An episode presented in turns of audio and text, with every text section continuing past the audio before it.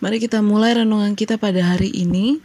Dari rumah masing-masing kita akan menyanyikan NKB 188 baitnya yang ketiga, tiap langkahku.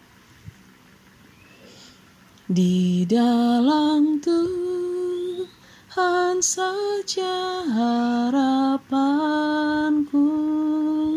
sebab di tangannya sejahtera dibukanya Yerusalem yang baru kota Allah suci mulia. Tiap langkahku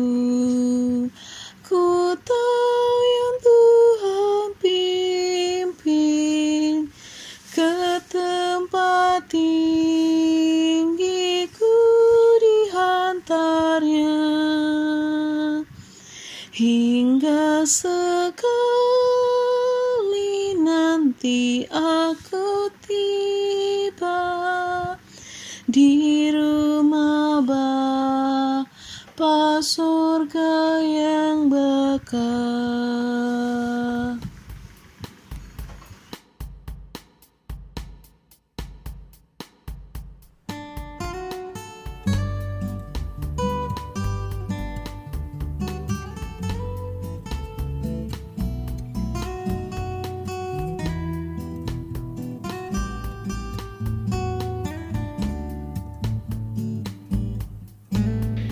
Dalam lingkungan kita, mungkin belum banyak yang memberi perhatian besar terhadap masalah kesehatan mental.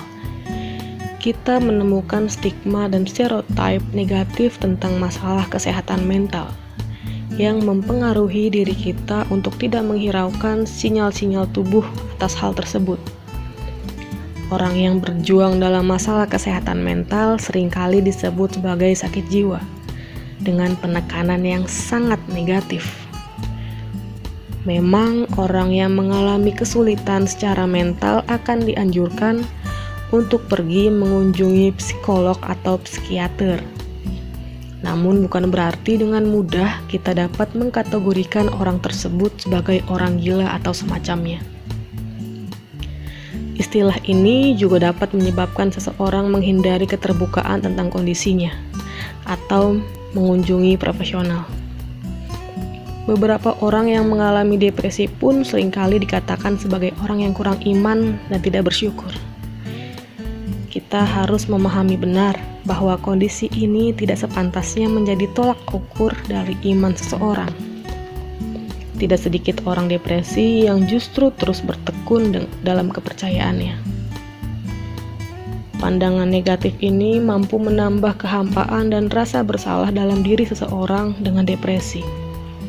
Selain itu, lingkungan juga sering kali melihat keterbukaan seseorang tentang kondisi mentalnya sebagai cara untuk mencari perhatian. Kita tidak menyadari bahwa ketika seseorang menceritakan tentang keadaan mentalnya atau berkata ingin mengakhiri hidupnya, adalah sebuah tanda meminta pertolongan dan mencari rasa aman. Kita perlu menyadari hal-hal tersebut agar dapat membantu seseorang dengan masalah kesalahan mental mengolah dirinya.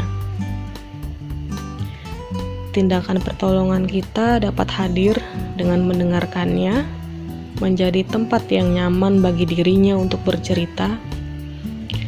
Terlalu memberi saran juga terkadang membuat orang yang berjuang dengan masalah kesehatan mental menjadi merasa dihakimi.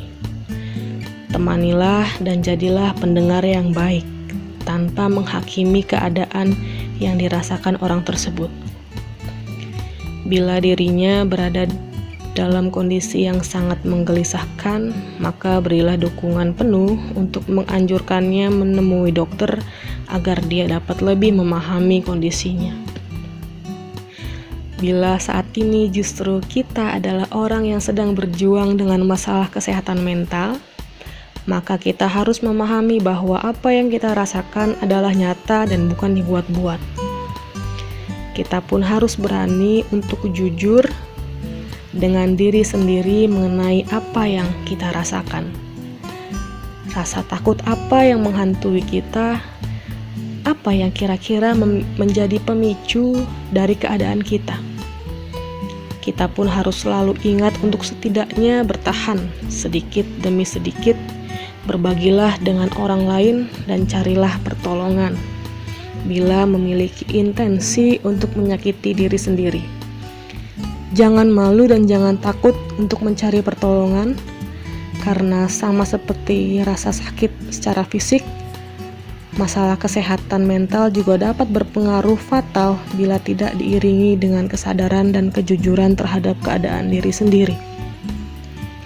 Situasi stres atau masa-masa kesedihan di kehidupan kita tidak selamanya dapat pulih dalam kurun waktu yang singkat. Sebagian orang memerlukan waktu beberapa minggu, dan beberapa lainnya membutuhkan waktu bertahun-tahun untuk dapat pulih. Petran Rasul mengatakan bahwa menaklukkan rasa takut adalah awal dari kebijaksanaan kita tidak hidup untuk dikendalikan oleh ketakutan kita. Seperti Yesus dalam ketakutannya berdoa kepada Bapa, Ya Bapakku, jikalau sekiranya mungkin biarlah cawan ini lalu daripadaku, tetapi janganlah seperti yang ku kehendaki, melainkan seperti yang engkau kehendaki.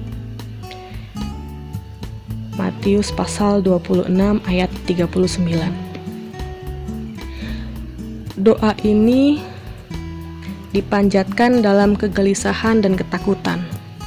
Namun dalam doa ini ada sebuah penyerahan diri yang besar di hadapan Bapa untuk melewati apa pun yang ada di hadapannya. Begitu pula dalam kegelisahan, kegelisahan kita. Marilah kita tetap terhubung untuk saling mengolah diri melewati apa yang ada di hadapan kita. Amin.